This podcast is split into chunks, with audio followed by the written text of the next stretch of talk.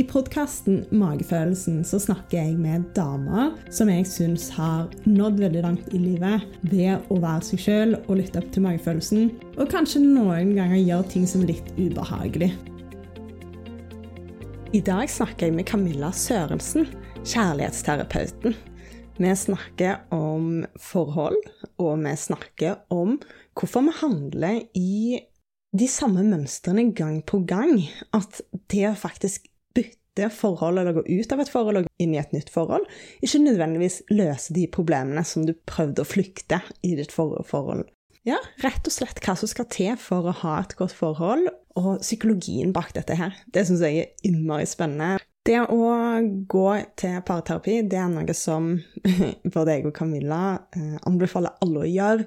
Og ikke nødvendigvis når forholdet er så vondt at du ikke nesten ser noen vei ut, men som forebyggende. Fordi det er ikke realistisk at to mennesker bare skal at det bare skal være enkelt å, å, leve sammen. Det er helt naturlig at det blir litt utfordrende. For vi er to nye mennesker som har vår bakgrunn, som har levd et helt liv, som har våre forventninger, våre ønsker, våre behov i livet. Så selvfølgelig så, så kan det være krevende å finne ut av dette, og det trenger ikke nødvendigvis å være en negativ ting. Um, så det å finne ut av dette her sammen, det, det heier vi på, og ikke gi opp selv om ting kanskje noen ganger er litt utfordrende. Fordi at parterapi, eller å snakke med noen om dette her, det kan faktisk hjelpe deg med å få det bedre med deg sjøl òg. Så uansett hva som skjer, så vil en investering i dette få deg til å føle deg bedre på sikt. Jeg digger denne her samtalen. Camilla er ei strålende dame, så kos deg med den. Jeg har vært så heldig å få Camilla på besøk igjen. Og det passer egentlig perfekt, for eh, jeg går gjennom et brudd akkurat nå, så vi kommer til å legge til noen ekstra spørsmål. Og så klarte vi å kløne til noen sånn tekniske ting på den forrige innspillingen. Så det er veldig hyggelig. Mm. Så det vi slapp, det var egentlig på hva type feller par typisk går i. Mm. Det er et veldig viktig spørsmål. Og det å bare kunne avdekke noen svar på hva det er, tror jeg kan hjelpe veldig mange. Så jeg har jo skrevet et eh, blogginnlegg om akkurat dette her. Eh, for det, det er så utrolig mange som savner det som vi tidligere har hatt, istedenfor å akseptere det man har bygd opp, og glede seg over den reisen som man er på her og nå, istedenfor å tenke tilbake inn i tid. Og det som er med mennesker, er at vi er minst 70 forskjellige. Mm. Og man finner gjerne en partner som er ganske ulik seg sjøl. Veldig ofte. Og det er egentlig noe positivt, mm. hvis man aksepterer disse ulikhetene. Men veldig mange kan jo sammenligne kanskje partneren sin med en eks, eller noe man har fra sin relasjonshistorie, mm. som gjør at man vil ha et evig savn etter noe man kanskje ikke kommer til å få noen gang. da. Ja. Litt av denne savnet etter det du ikke har. Mm. Jeg, jeg, har faktisk sett det i et par forhold at det er så lett å møte en annen mann som har liksom den ene tingen mm. som jeg eh, liksom har savna litt, og så plutselig sant, så bare åh, han var fantastisk. Ja. Men når jeg begynner å tenke over det, så er det sånn Men det var jo bare den ene tingen jeg likte med han. Mm. Så blir den tingen veldig stor. Ja. Og så ja, lett å henge seg opp i ja, feil istedenfor alt det som er bra, kanskje. Ja, og det er veldig viktig det du sier der, at man har fokus på det man ikke har, fremfor det man har. Mm. Og da kommer de feilene. Mm. Og, og, spesielt kvinner. Nå skal jeg ikke generalisere, men kvinner er veldig vi, vi, vi, er veldig flinke til å tenke på ulemper og mm. faresignaler og være på vakt. Mm. Eh, så, så, vi kvinner har egentlig en liten oppgave der å tenke over at OK, men OK de tingene der er jo litt dritt, men mm. de positive tingene, da. Mm. Blomstrer de litt mer, og bare tenker over at han er jo så god. Mm. Og, og, nå er det ikke meningen heller å, å snakke bare om hetero, men, men, eh, men, uansett hva partner du har, så er det disse tingene man kan tenke på da, som kvinne. Så det er viktig å ta ansvar for ok, har jeg en mer negativ tankegang om min partner, eller har jeg en mer positiv tankegang om min partner? Mm. Kanskje avdekke det litt, da. Jeg fant ut en ganske interessant ting som Det er litt sånn rart, for jeg lager den podkasten, og den handler veldig om å være seg sjøl. Ja, Og jeg er litt sånn som kanskje utfordrer, og er litt annerledes, og har litt sånn andre meninger. Mm. Og så har jeg innsett den siste tiden at Og dette her er basert på anagrammet som jeg òg har en podkast om, så jeg burde egentlig visst dette her, men jeg er veldig opptatt av å bli likt. Ja. Og eh, det jeg har funnet ut av, min partner er på en måte som min arm. Sånn at Mm. eh, i sosiale sammenhenger og sånn som det, så har det vært veldig viktig for meg at andre òg skal like han.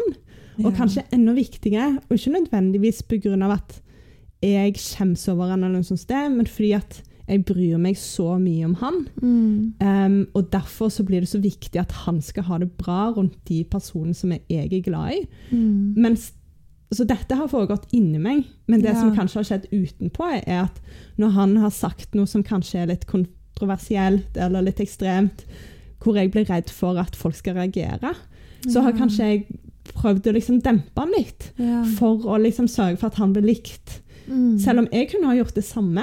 Mm. Eh, men da, er det liksom, da går det bare utover meg. Men det, ble liksom, det har blitt, blitt så viktig for meg å beskytte folk rundt meg. ja. Men sant, så misforstår jo, misforstås jo det veldig. For Mm. det kan jo heller oppfattes som at liksom Og du liker ikke det jeg sier, du støtter meg ikke.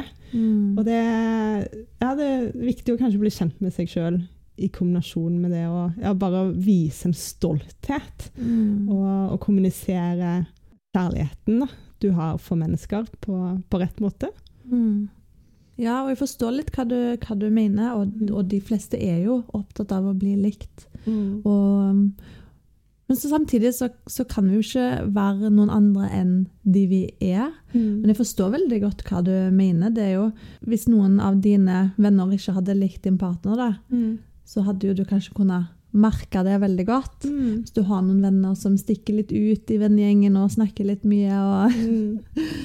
Men sånn til syvende og sist så er jo det viktigste at jeg liker min partner. det viktigste er at du liker partneren din, og at du er stolt av han Ja. for den han er. Ja, det er jo sånn Når jeg tenker på vennegjengen Jeg syns jo at eh, kjæresten til vennene mine er hyggelige, men det er jo ingen av de jeg kunne tenkt meg å være sammen med. Mm. Sant? Så det viktigste er jo at de liker partnerne sine. til syvende og sist. Så det kanskje Ja. minne seg sjøl på det at det er ikke så viktig at alle liker partneren. Mm. Eh, det er selvfølgelig hyggelig at du liksom har noen fellesvenner du kan henge med, men Mm. at hvis det er noen som ikke kommer 100% overens med han, så går egentlig det helt fint. Mm. Og så er det jo litt det med at eh, de vet jo mye om partneren din av det du forteller. Eh, og, og hvis vi forteller uh, om partneren bare når det er dårlig, da, for eksempel, Mm. så kan jo de få et, et negativt syn på partneren din. Ja. Men hvis man er flink på å, å blomstre og rose 'Vet du hva som skjedde i går, og det var så fint, og nå Mm. var det sånn og sånn', og sånn, Mm. så er det jo mer positivt igjen. Mm. Så, så bare ha en sånn fin balanse, da. Mm. Eh, For det er jo veldig mange som ringer vennene sine og bare 'Å, nå har jeg det så dritt'. Og så sier de sånn 'Å, nå må du dra fra han'.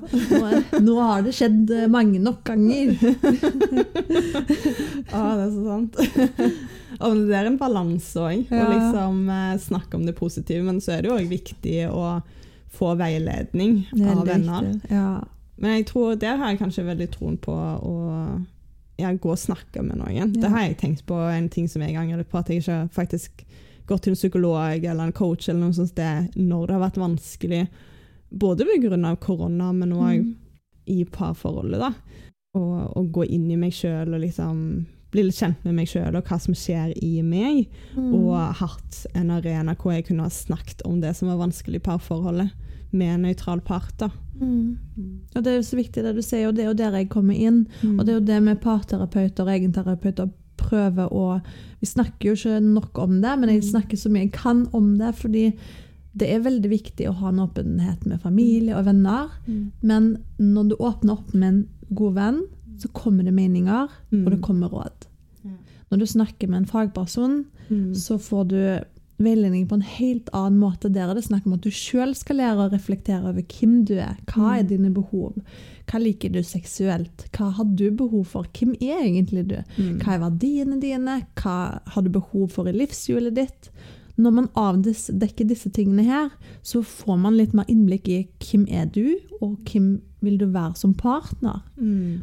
Og, og da, da er det mye lettere å, å finne en balanse i et parforhold òg.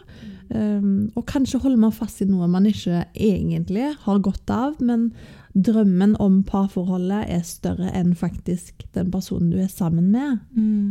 Ikke sant? Så, så det er jo det som er så, Derfor er det så utrolig viktig å ta en samtale med en psykolog eller en parterapeut eller en egenterapeut eller kanskje en sexolog. Mm. Hvis man ikke finner helt ut av eh, det seksuelle. Mm.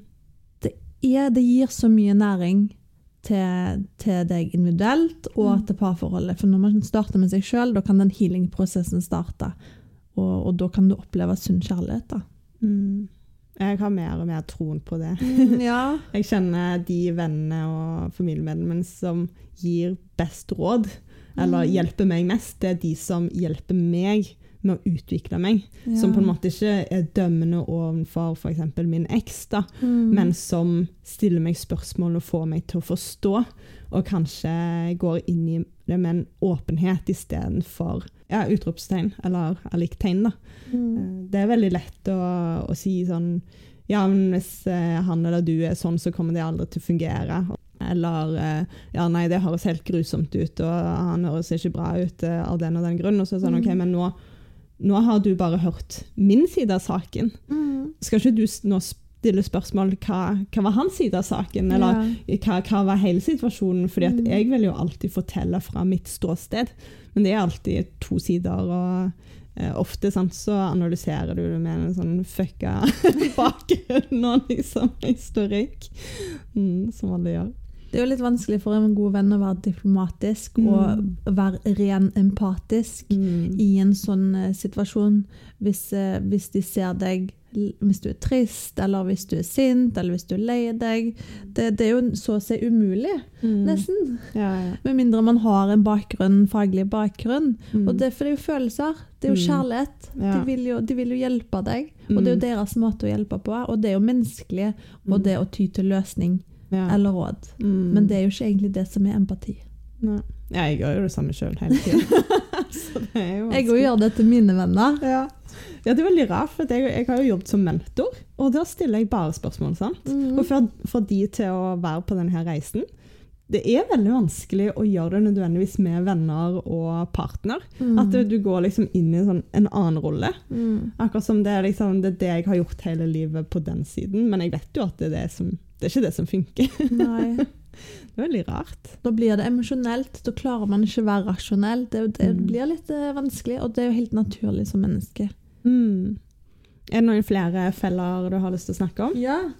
Og, og det som er så utrolig eh, viktig Vi var jo litt inne på det, men det å glemme fokus eh, på seg sjøl, det er veldig viktig. eh, fordi vi kan jo La oss si man går gjennom et brudd, og så begynner man plutselig å blomstre igjen. Mm. Og så tenk, tenker man egentlig at ja, men hvorfor var jeg ikke sånn når jeg var sammen med partneren min? Og Mm. det kan være fordi man legger lykke, sin egen lykke i partneren sine hender, egentlig. Mm. Og da kan man jo tro at man har det bedre på egen hånd. Mm. Derfor er det så utrolig viktig å utvikle seg mens man er sammen med partneren. Slik at man trives med seg sjøl i parforholdet. Hvis ikke så er det veldig lett å legge sin egen lykke i parforholdets hender, og da blir man utrolig knust når det blir slutt. Så blir dette et mønster. Så det å starte med en form for personlig utvikling i parforholdet, og bare sette av fokus på deg sjøl. Mm. Ja, for det har jeg faktisk sett nå i korona, at det har vært lett å tenke at jeg ikke gjør ting pga. han. Og at han kanskje har vært litt sånn noen for meg òg. At det er lett å assosiere det med partneren, men egentlig så har det handla om at eh, hvem har vel ikke blitt tiltaksløs gjennom korona Ja. det siste året? Eller spesielt etter november, hvor vi fikk veldig strenge restriksjoner i Oslo. Mm. Um, og jeg har godt av å gjøre ditt og datt, men det passer ikke. For eksempel, jeg liker å ha litt sånn rolige kvelder hvor jeg driver med yoga og meditasjon, og så har Mm. han kanskje hatt lyst til å game eller se på en film. Og da er det veldig lett å liksom skylde på han og være litt sånn 'Dette her funker ikke'. Mm. Men sant, så kunne jeg kanskje da Vi sitter her, så det, det er lett å si til deg, men Ja. vi hadde da bare én stue. Men da kunne jeg kanskje innrede soverommet mitt sånn at Mm. Jeg hadde en stol der, at jeg kunne drevet med yoga. Og liksom at du kan kjøpe sånn støydempende ting som du kan henge opp. Og det å liksom tenke litt løsningsorientert på Mm. hvordan kan du møte begges behov. Um, og det er en ting som jeg har kjent på mye gjennom korona, det at jeg ikke har møtt venner. Og kanskje jeg burde ha vært mer, mer kreativ og ikke forvente at han skulle dekke de behovene. Mm. Samtidig som eh, jeg ikke har fått alenetid. Ja. Det med spacen. Ja, så det er liksom det er to ting som på en måte er veldig viktig for meg, men sant, det er jo helt umulig å få alenetid når du er sammen i samme stue 24 timer i døgnet, liksom. Mm. Men sant, eh, vi har ikke barn, så jeg kan jo se for meg at det er mange med barn som tenker liksom, hvordan i huleste skal jeg få til dette? Mm. Men det er noe med å kanskje gi hverandre da, en time innimellom til å, til å bare ta vare på seg sjøl. Ja, det er veldig viktig. Mm. Og Fordi, så, så Vi snakket jo litt om det livshjulet. da. Mm. Altså, vi har jo et livshjul som vi kan dele inn i åtte deler. Mm. Og disse, disse verdiene, da, familieliv, venner, karriere, sunnhet Alt som er viktig for deg. Når korona kom, så kan det hende at du mista seks av de, så Mm. plutselig så er det livshjulet ditt kun jobb og kjæreste. Ja. Og da, da vil man jo automatisk, alle mennesker i hele verden vil føle på det, at man blir litt mer nidig, og at man klamrer seg litt ekstra til partneren sin, og da blir det litt vanskeligere å ta det ansvaret for seg sjøl. Og, og det kan bli giftig for parforholdet. Det, og nå har jo eh, korona vart et år, ikke sant? Så, så, så det er jo det jeg prøver å hjelpe par med, at OK, nå tegner vi et livshjul. Mm. Vil du fortelle meg hvordan det så ut før korona? Mm. Og fortell meg hvordan ser det ut nå med korona. Ok, Hva kan vi sammen gjøre nå for at dere lager deres eget drømmehjul sammen og individuelt? Og da må vi gjøre det på en annen måte. Mm. Eh, Ok, Vi kan kanskje ikke dra til Syden nå i en uke, men hvis vi kan gjøre det i en annen form, Mm. hvordan kan vi gjøre det? Så det er jo da jeg kommer inn og så veileder jeg og hjelper. Og dette har jo jeg vært nødt til å gjøre med mitt eget parforhold òg. ikke sant? Fordi om jeg er parterapeut, så går ikke ting på automatikk. Nei. Så jeg har vært nødt til å lage meg et livshjul og ha disse samtalene. Ok, nå har jeg alenetid, nå har du alenetid. Kunne du tenkt deg å tatt deg en joggetur i dag klokken seks? For eksempel, ikke sant? Mm.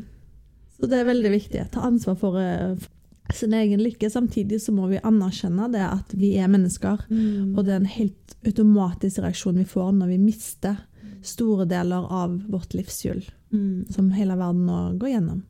Jeg har en del venner som faktisk har uh, håndtert korona ganske greit. Eh, alle de er introverte. Ja, De er jo i introverte verden nå. Ja, og jeg er ganske på den ekstroverte siden og Ja. får så mye energi av å være med mennesker. Ja. Og det er sånn helt utrolig, for siden jeg har hatt en partner, så har jo ikke jeg da hatt eh, venner som jeg på en måte har kunnet være så mye hjemme hos. Mm. Og så forrige uke nå er jo jeg singel, Ja. så da plutselig så kunne jeg være hos ei venninne liksom, og bare henge hos henne. Og det gjorde jeg siste uke, og det var en sånn magisk følelse å bare liksom tilbringe en sånn ettermiddag med hun. Jeg bare merket at det var en energi som jeg bare Jeg hadde glemt at jeg hadde. Sånn over tid som ekstrovert, sant, så blir du sliten når du ikke er sosial. Så derfor så kjenner jeg på at akkurat som jeg etter hvert har tenkt at å, jeg orker ikke å være sosial.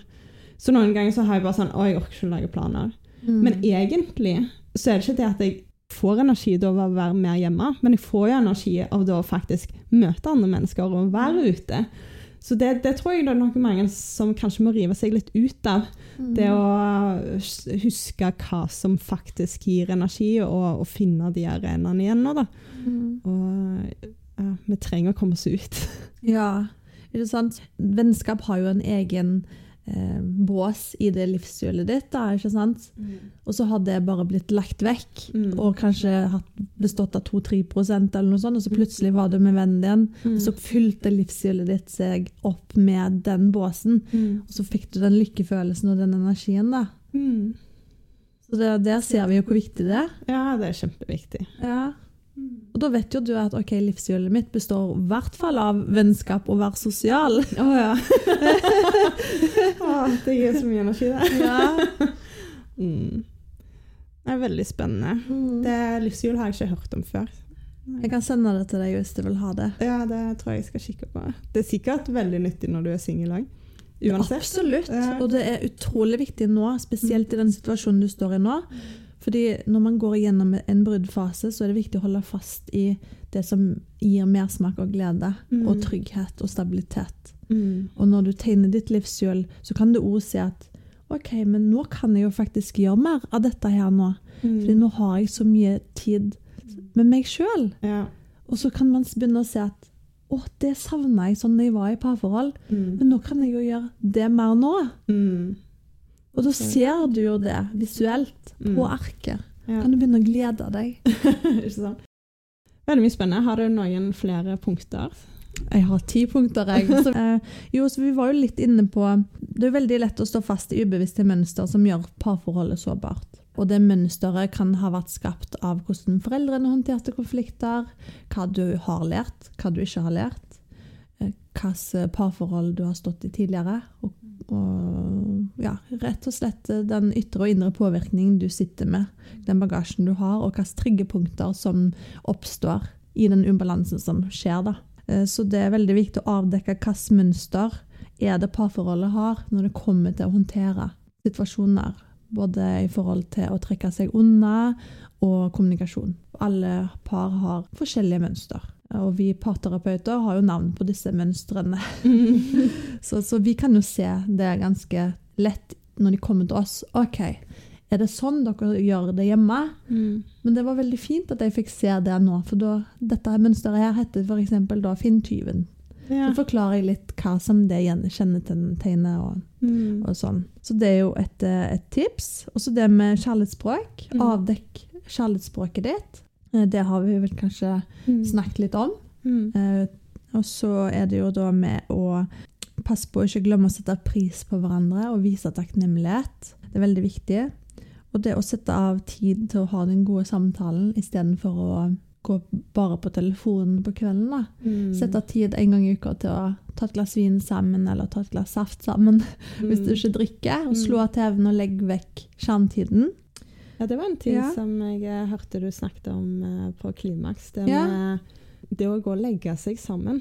Mm. Hvor viktig det er, og kanskje òg for sexlivet. Mm. Det å liksom skape en arena hvor, liksom, hvor kvinnen trenger mer tid til å roe ned, til å kanskje ha kjærtegn, til å få en klem, til å bli lytta til, og liksom bare finne den roen. Mm. Det, jeg kjente meg veldig igjen. Du sa det at det, tar kanskje 20 minutter for en kvinne å liksom komme inn i humøret. Mm. Og at det faktisk er den denne samtalen når du ligger og snakker i seng og liksom koser litt med hverandre. Mm. Så plutselig så roer du nervesystemet, og så blir du klar for sex. Mm. Men det er ikke sånn at du går og legger deg, og så kanskje kommer det sånn, fordi at du må liksom koble av dagen. Mm. Og det Ja, jeg syns det er kanskje en ting som ikke blir nevnt ofte nok. Mm. Mm. Ja, det er veldig viktig det du sier, og telefonen har jo ingenting på soverommet å gjøre, egentlig. Meg og mannen min vi har begynt å legge telefonen på kjøkkenet på kvelden. Mm. Fordi det er en tidstyv, og vi er vanedyr.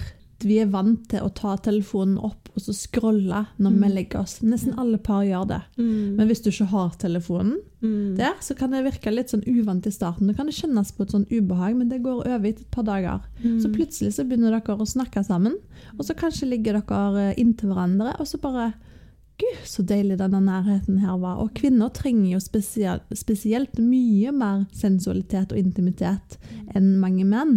For menn får jo reisning veldig fort, Mm. mens kvinner trenger mer tid. Mm. Det tar jo, kan jo ta opptil 20 minutter bare for at livmoren skal eh, trekke seg tilbake og at du skal bli klar i skjeden. Så det er så utrolig viktig med den nærheten. Å koble deg på partneren din og koble av hverdagen, som du sier.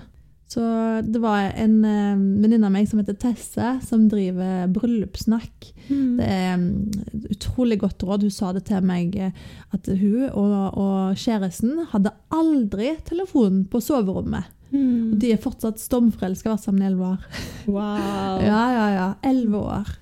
Så det er viktig å ta til seg eh, Og grunnen til jeg nevner navnet hennes, er fordi at jeg er en parterapeut. Ja, ja, parterapeuten gir jo bare masse råd, men hun er jo ikke parterapeut. Mm. Og elleve år, fortsatt så blomstrer kjærligheten.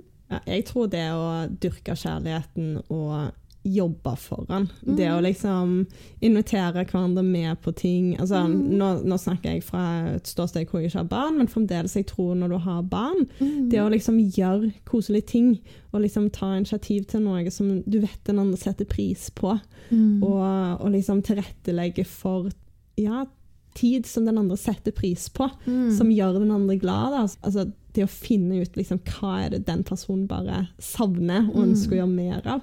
Det, det skal så lite til. og det, Du blir ofte veldig satt pris på det. Og så tror jeg det skaper en sånn arena for ja, liksom, forelskelse, kjærlighet og, og blomstring.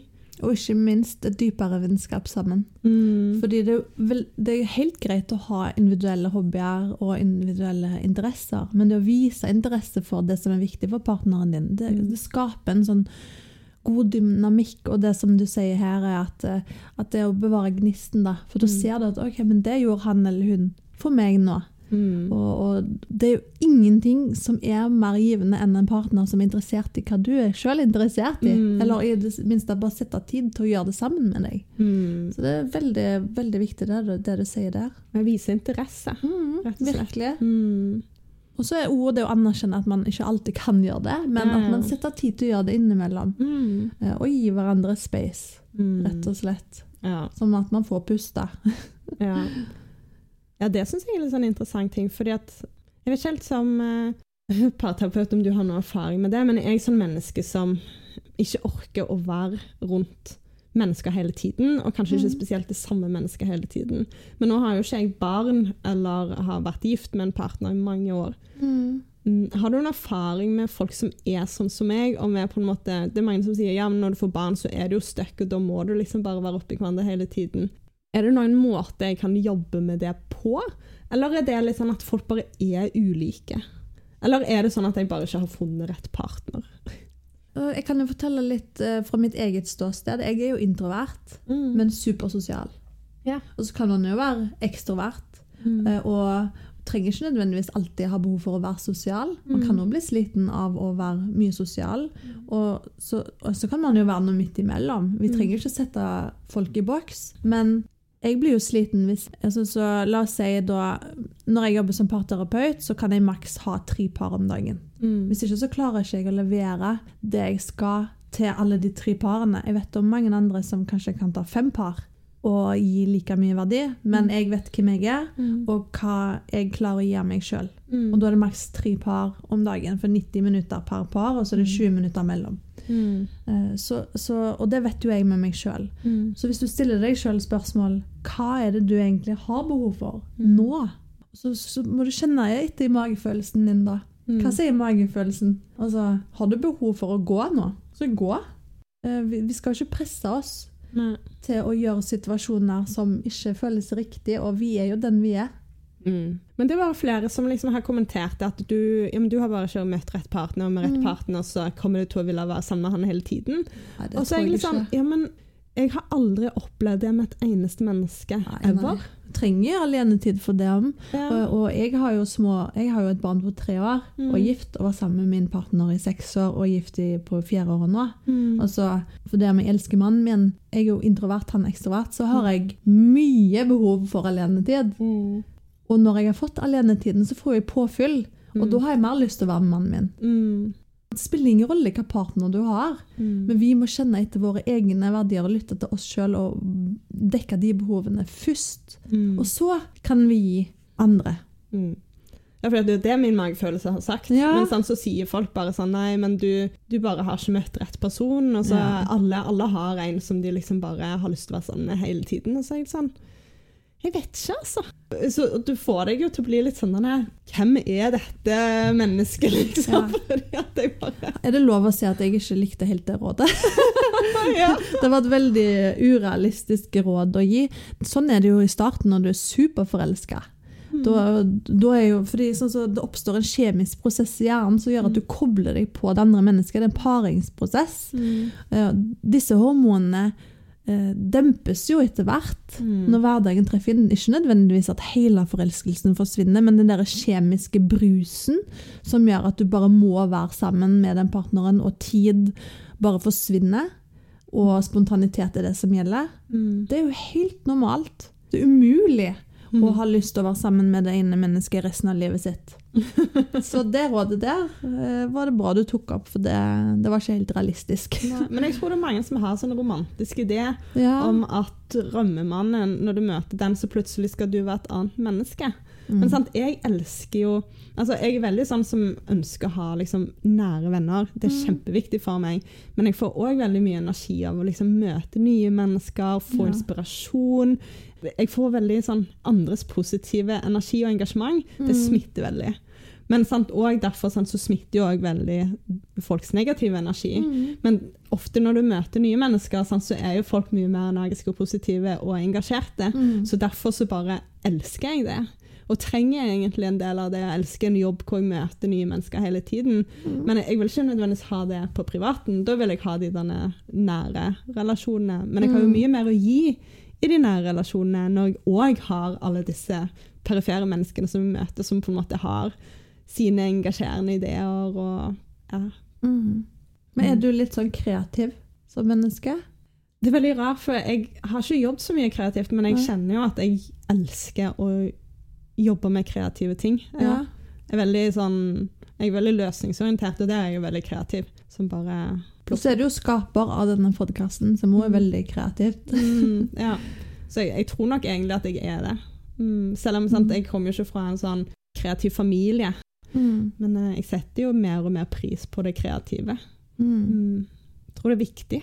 Ja, det er veldig, veldig viktig. Men det høres ut som du, du vet jo, du kjenner jo til det du forteller her, er jo det du har behov for, eh, Mm. rett og slett. Her sier du at uh, your inner circle skal være Mm. det der trygge, stabile, og så har du behov for den ytre sirkelen, eh, å ta tak. Uh, der er det noen nye mennesker, og de inspirerer meg, og så det, Du har behov for det. Mm. Å ta med deg det inn i den innerste sirkelen din. Dette er en del av, av eh, Dette er jo det som gir deg livskvalitet, hører jeg. Mm. Men det er veldig rart, fordi at det er akkurat som Du vet folk som er i gode forhold, som funker. Det er akkurat som at når du snakker med de, og de Mm. gir deg råd, så tenker du sånn Å ja, men de har jo funnet ut noe som jeg ikke har funnet ut, fordi at jeg har jo ikke vært i et så langt forhold. Så da kan sikkert de det, hvis du skjønner. Eller ja, det Så noen ganger så Selv om det er en magefølelse, eller du kan ting, så noen ganger sånn, så begynner du å tvile litt. Mm. Hvis du skjønner? Ja, jeg kan godt forstå det. Ja. Nå er det jo sånn at jeg har vært i, i forhold jeg òg tidligere, og det er en liten del av meg som snakker til meg noen ganger og sier at Camilla, hadde ikke du tatt parterapiutdannelsen, så er jeg ikke sikker på om jeg kanskje hadde klart å holde på et forhold. Fordi at eh, det er ikke lett. Nei. Det er ikke lett å være i et langvarig forhold. Og jeg jobber jo med par som har vært sammen i ti år.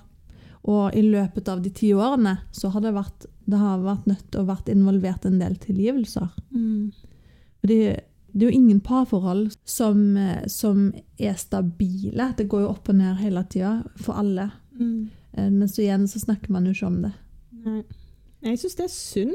Mm. For det gir en sånn urealistiske forventninger til folk om Det det. hvordan det skal være. Det Mm. er veldig godt å høre at du sier de tingene. Og jeg, jeg har jo veldig troen på at spesielt hvis du har litt ytre omstendigheter, så vil ting være litt vanskelig. Og hvis du har en pandemi, så er det naturlig at det ikke er da livet på en måte er på topp. Jeg har jo hørt Mm. folk som sier at de omtrent er upåvirka, men det tror jeg ikke er flertallet.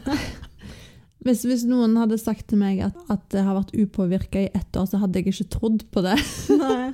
Men da, da lurer jeg litt på sånn, enten om de ikke snakker nok Mm. i parforholdet. Det kan For det kan godt være at den ene parten er liksom mindre påvirka, men det var det jeg så så når jeg brukte den måneden og skrev opp alle disse punktene. Mm. Sant? Og liksom den sjalusien som hadde bygd seg fram, som jeg ikke relaterte til i det hele tatt fra Mm. før.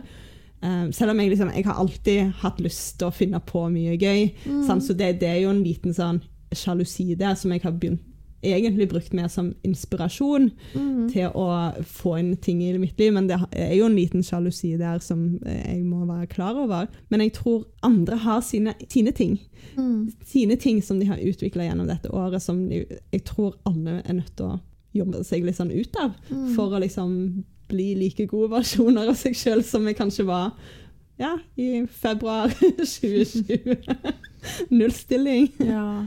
Mm. Nei, jeg sier det til alle som kommer til meg, at vet du hva Når de kommer, så er det sånn Og ingen andre har det som oss. Vi har det så vanskelig. Ja. Det er så vanskelig nå. Men alle har det vanskelig. Og alle har det godt. Det, det er, sånn er det å være menneske. Og når vi gråter, så sier jeg 'gråt'. Det som skjer når du gråter, så hvisker du hjertet ditt. Hjertet ditt er som en sånn svamp. Du husker på barneskolen. Så har du den der svampen. Den blir tørr etter hvert. Den trenger å væskes. Mm. Og når, den, når, når svampen blir våt, kan du fjerne det som står på tavla. Sant? Mm. Men ikke når det, den er tørr. Du får ikke vekk krittet. Og sånn er det i parforhold. Man trenger å få utblåsninger, man trenger å gråte, man trenger å kobles på. Det gjør man når man connecter. Og man kan gjerne connecte når man, etter man har krangla eller snakket om noe følsomt. Ja, det er jo helt unikt det liksom når Det er jo ganske mange menn som ikke er så veldig flinke og komfortable med å snakke om ting som er vanskelig. Men Ja. jeg har jo kjent det i alle mine forhold. Når vi kanskje har hatt en krangel, og så setter vi oss ned og snakker om det, og de åpner seg. Mm. Det er liksom de tidspunktene jeg liksom har vært mest glad i. Ja. Det er liksom når en mann virkelig kan snakke og være sårbar. Og bare være ærlig. For at jeg føler ofte sant, så skal de være så tøffe og så harde. Men når de bare sier at liksom, dette er det jeg virkelig har behov for, dette savner jeg, dette er jeg lei meg for, dette skammer jeg meg over, um, så plutselig sant, så bare kommer du inn i hjertet deres. ja. Og det, det er en sånn unik og utrolig fin følelse som jeg bare Jeg tror er godt for begge parter. Jeg, jeg håper at jeg kan motivere flere til å liksom eh, få inn i livene sine, da. Du ser du blir litt rørt når du snakker om det. Mm. Det er fint. Du Mm. sier det. Den, og det er jo det som skjer der. Da kobler du jo på din partner. Mm. Og eh, Ja, men det er fint å gråte. Altså, det, det er fint å gråte. Jeg òg blir jo litt rørt nå når vi snakker om det. Fordi det, det som skjer med meg òg når du snakker om dette, her, det er at når en mann åpner opp med følelsene sine, så gjør det at vi kjenner oss trygge. Ja. Vi kobler oss på. Ikke sant? Den der kjærligheten, den tilknytningen. Mm. Når de åpner opp om det som er vanskelig, så, så blir vi trygge sammen. Mm. ja, det er vel det det skaper en sånn trygghet. Ja. En sånn tilknytning Mm. som jeg tror uten å ha den, så kjenner Eller iallfall jeg Mm. kjenner ikke på den tilknytningen før de på en måte kanskje bare virkelig viser behovene sine og er ærlige, da. Ja. Den ærligheten og åpenheten, den bare Den er så god, da. Mm. Ikke sant? Men eh, dessverre noen ganger ikke det letteste å få inn. det er ikke alle som er så komfortable med å snakke om det. Nei. Og det er jo altså Vi jobber jo for et generasjonsskifte. Så, og det ligger jo Det er jo fortsatt den der normen at eh, flink pike, gutter gråter ikke. sant? Mm. Den der, og den, Det henger jo igjen hos mange, mange Mm. menn fortsatt, dessverre. Men eh, nå så jeg en sånn eh, innlegg på Instagram i går. En som heter Sebastian, som jobber i Eccentric People. Han, han skrev at sønnen min skal aldri lære at gutter gråter ikke. Og det var sånn åh, takk. Ja. Det er, så, det er så fint at nå er det et generasjonsskifte, og det er så viktig. Det gjør òg at parforhold kan holde lenger. Fordi da, da går det begge veier. Mm. Absolutt. Mm. Går det fint med deg? ja. Det er, det er litt sånn uvant å gråte foran noen du ikke kjenner så godt. Men uh, du er jo partnerfødt, så jeg er jo vant til dette her sikkert mye. Ja. Ja. ja, jeg snakket litt om egenkjærlighet. eh, Og det å bli kjent med hva har du behov for. Lære deg å uttrykke behovene dine. Bli bevisst over kommunikasjonsmåten din. Hvordan kommuniserer du? Hvordan vil du kommunisere? Så start en reise med deg sjøl, rett og slett. Og så er det jo det med når du er i et parforhold, så handler det jo mye om hvordan du håndterer konflikt. Fordi hvis du vil formidle noe, da, et behov f.eks., så er det veldig vanlig for mange at man sier det når begeret renner over. Mm. Og da blir du ikke mottatt helt sånn som du ønsker, og da kan det hende at det kommer trusler, og at man, man krenker hverandre, rett og slett. Nei, dette gidder jeg ikke lenger. Mm. Eh, Jeg fortjener bedre, f.eks. Mm. Så er det sånne udekte behov og lengsler som ligger i bunn, som man ikke helt klarer å, å formidle ut. Så det å, å, å finne ut av hvordan kan jeg formidle mine behov før det sprekker, eller før jeg stenger av. Og så er det det å bare tenke over at så det med parforhold, det kommer tøffe tider. Alle mennesker gjør feil, og det er mange som kommer til meg der partneren f.eks. har vært utro Mm. men de kommer seg veldig flott gjennom det. og kanskje så får de det enda bedre etterpå pga. at måten det ble håndtert, det har gjort at de respekterer hverandre enda mer. At man klarer å tilgi og legge det bak seg. Så noen ganger så, så skjer kriser, og, og, man forlater hverandre, men så har man fortsatt det såret som er uarbeida. Så kan man ta det med seg inn i en ny relasjon. Så kan det bli en sånn utrygghet der, med tillit f.eks. Eller så kan du bearbeide det sammen med, med, partneren din, og så kan det hende at dere finner en helt ny form for kjærlighet. At det blir enda sterkere parforhold, rett og slett. Men så er det jo så vanskelig når disse krisene kommer, vet du. Så, mm. så det, det, det, handler jo ikke om hva problemet er, men hvordan det håndteres. Det er det jeg prøver å si da som parterapeut, at det blir bedre mm. hvis dere står i det med respekt for hverandre. Mm. Jeg hørte noe for en stund tilbake som satte seg litt i meg, og det var ja. at når du går til parterapi, mm. så eh, vil det, selv om det kanskje blir brudd til slutt, så vil det aldri mm. være forgjeves. fordi at hvis du ikke bearbeider det, så vil du ta det med deg videre inn i et nytt forhold, eller inn i en tid hvor du er singel. Så det er noe som uansett du kanskje er nødt til å jobbe med å bearbeide. Og det syns jeg er en fin måte å tenke på ting, at det ikke alltid handler om forholdet, men at det handler om deg eller den andre personen og ting som du opplever, og noen ganger faktisk bare livet. At, ja. at, det ikke bare forholdet, men at det er ytre omstendigheter som kan være årsaken, og hvordan du forholder deg til det på generell basis, mm. og da at du kan få hjelp til hvordan du faktisk håndterer livet. Ja. Mm. Den, er, den var veldig, veldig fin. Takk for at du delte den. du er veldig flink til det, og jeg, jeg, ser at det er kjærlighetsspråket ditt. Anerkjenner ord. Å, takk. Det, det, det, er bare helt naturlig. ja, det er herlig. Mm. Det er passende du skal jobbe som terapeut òg, da. Sånn avslutningsvis, har du noen råd til lyttere som kunne tenkt seg egentlig å snakke med noen, men så syns det er vanskelig å gå fram, eller som har en mm. partner som ikke tenker at det er aktuelt? Ja. Eh, mitt første råd, eh, det er jo hvordan kommuniserer du det fram? For det som jeg ser, er at det kommer gjerne fram som en trussel. Mm. til at man skal gå i parterapi fordi begeret har rent over. At man er så lei. Og når det kommer, kommer ut på en destruktiv måte, når alarmberedskapet ditt har tikt inn, mm. og du er ikke helt bevisst over reaksjonen din, så oppfattes det som en trussel for, trussel for partneren din, mm. og partneren din vet at det vil komme igjen. Mm. Så det vil jo bli vanskelig for partneren å egentlig ta det helt seriøst, da, fordi det blir jo tatt opp destruktivt. Så det å finne ut av hvordan kan du kommunisere dette ut på en rolig, konstruktiv måte. Og for at det skal skje, så må du invitere partneren din inn mm. i dybden. Og så, er det det med å, å ikke bruke du når du, eller når du aldri. Du mm. gjør alltid. Da mm. går man i forsvar. Så man må jo møte da eh, vedkommende på en respektfull, empatisk måte og stille åpne spørsmål, sånn som du snakket om litt tidligere. Mm. For å komme inn på temaet. Og fortelle at slik føler jeg meg nå. Bruk jeg-perspektiv. Mm. Inviter partneren din inn på din bro, på din øy, sånn at partneren din ser at dette her har jeg så lyst å, å finne ut av. For jeg er så glad i deg. Kan vi ikke oppsøke noen, bare spørre om litt hjelp? Mm. Bare starte der. For hvis det kommer ut destruktivt, så er det gjerne for seint. Fordi det som jeg ser, det er at uh, mange kommer til meg, og så sitter den ene kjæresten som har mast om parterapi over to år, f.eks. Partneren har sagt nei gang på gang på gang. Og så kom kniven på strupen. At kona ville gå. Og da sier partneren OK, vi går i parterapi. Men da er det gjerne for seint. Den, den, går jo igjen fortsatt, dessverre. Så, så det handler om hvordan du kommuniserer dette ut. Og det kan føles litt utrygt og snakke om det i dybden, fordi mm. du er ikke fornøyd i par, parforholdet allerede. Mm. Men bare prøv. Så, eller så kan du, kan du, kontakte meg, og jeg tilbyr jo tjenester som vi kan bruke uten sin partner. Mm.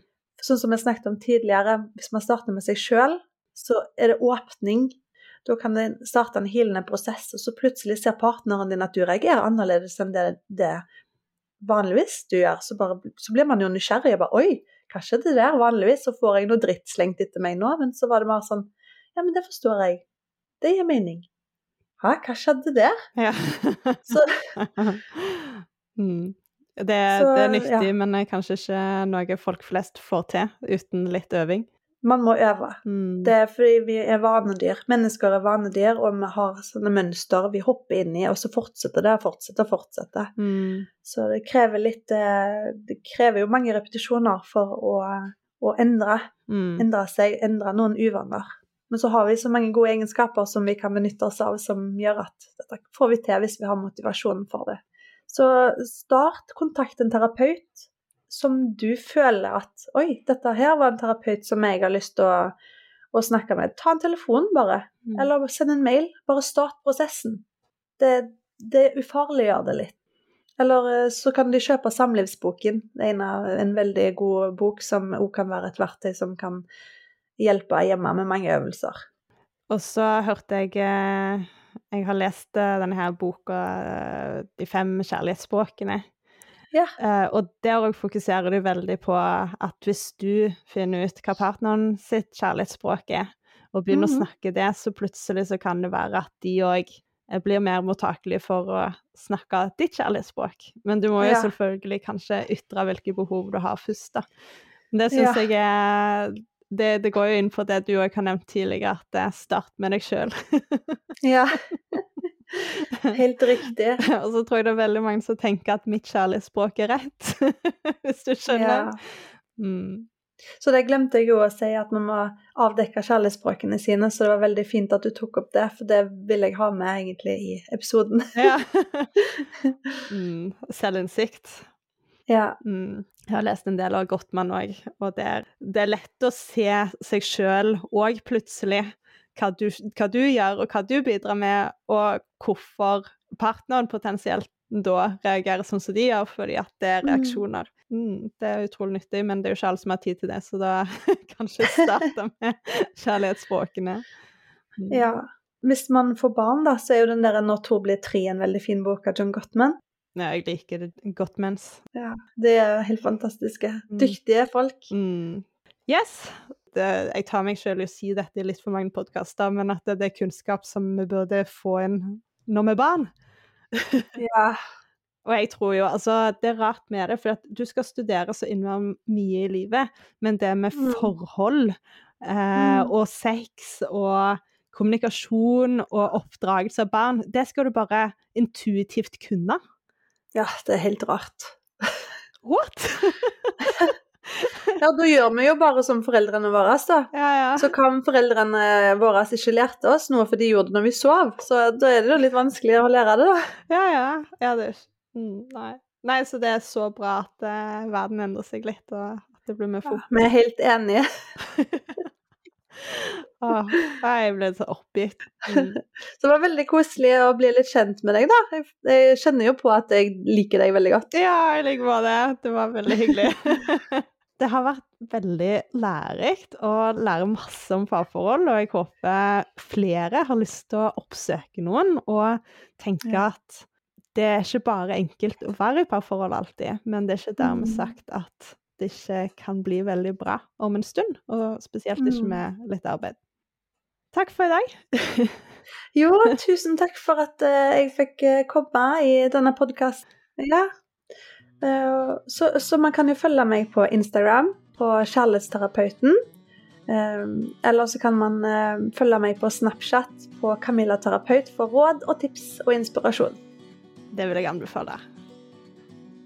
Hvis du liker denne episoden, så lytt veldig, veldig gjerne til noen av mine andre podkastepisoder. Jeg har intervjua noen av de kuleste damene i Norge, så her er det masse inspirasjon å finne.